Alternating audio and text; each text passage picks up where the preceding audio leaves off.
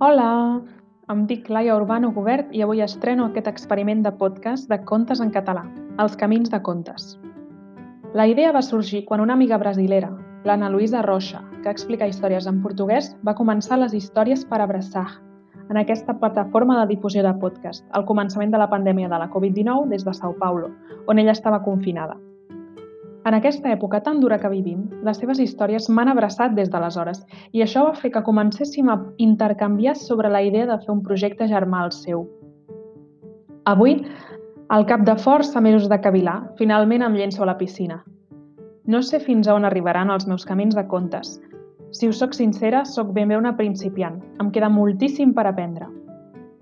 Però si us podeu sentir la meitat de reconfortats del que jo em vaig sentir amb les històries de l'Analu, i si això em permet gaudir buscant històries per explicar, ja em sentiré satisfeta.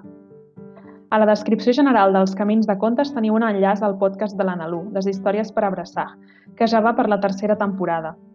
Aneu-hi a fer un cop d'ull, és realment impressionant la feina que fa. Un beijo e obrigada, minha querida.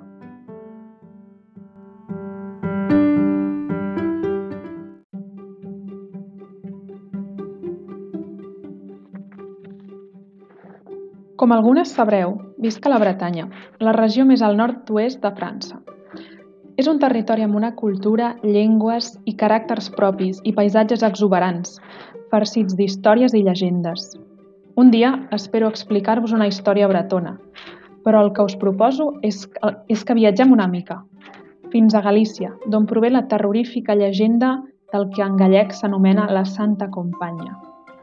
Una amiga amb orígens gallecs, la Irene, em va explicar aquesta història per Tots Sants, època de l'any on la mort es fa més present. Us aviso que fa una mica de por, així que pares i mares us recomano que escolteu la llegenda vosaltres sols abans de fer-la escoltar als vostres fills.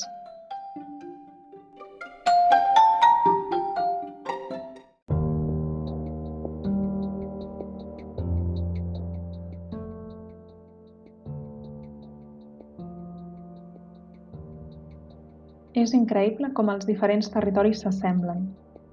Els paisatges gallecs i bretons tenen tant en comú. El mar, la vegetació, la pluja, la boira... També hi trobem una mena d'estàtues de pedra en forma de creu en els encreuaments de camins. A la Bretanya els anomenen calver, calvaris en català, i a Galícia, cruceiros. Diuen que l'existència d'aquests cruceiros a part de remetre'ns a la tradició cristiana, respon a les aparicions de la Santa Companya. Molta gent testimonia d'haver-la vist, però no deixa de ser una llegenda popular. O potser no. La Santa Companya es deixa veure principalment en dos moments concrets de l'any, el solstici d'estiu i per tots sants. Però qui és la Santa Companya?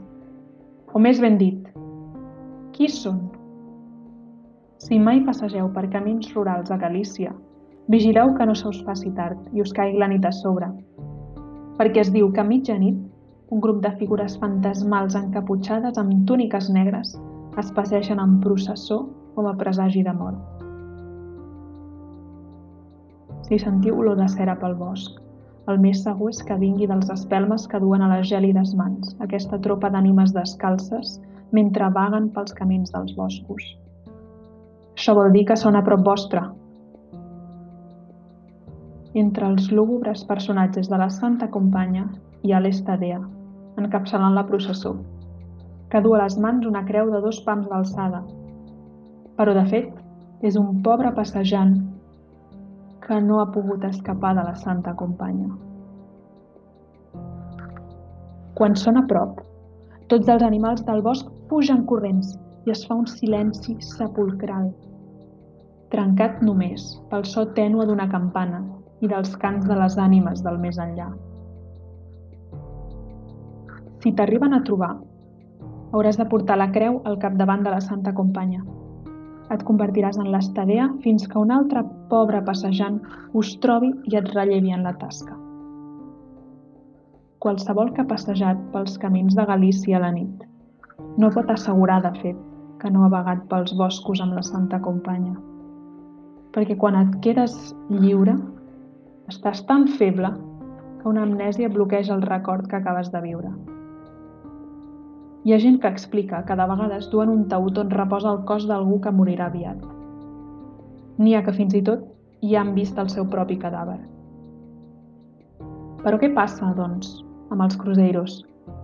Aquestes estàtues en forma de creu?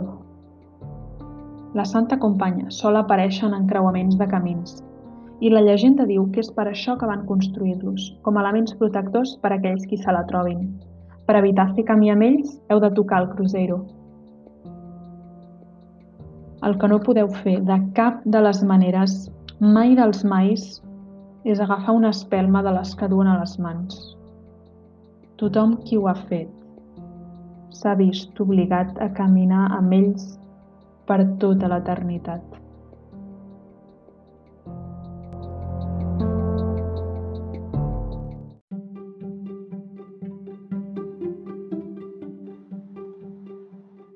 Diuen que en el fons és una llegenda, fruit dels canvis dels cicles de la natura, de la por a la mort i de la necessitat de donar una explicació a tot allò que no coneixem.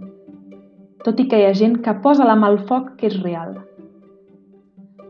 No sé què en penseu, però si alguna vegada passejo pels boscos de Galícia i se'n fa de nit, no deixaré de mirar els encreuaments i els cruzeiros, per si de cas.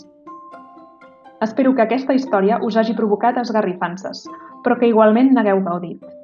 Ens trobem ben aviat amb una història diferent. M'hi acompanyareu?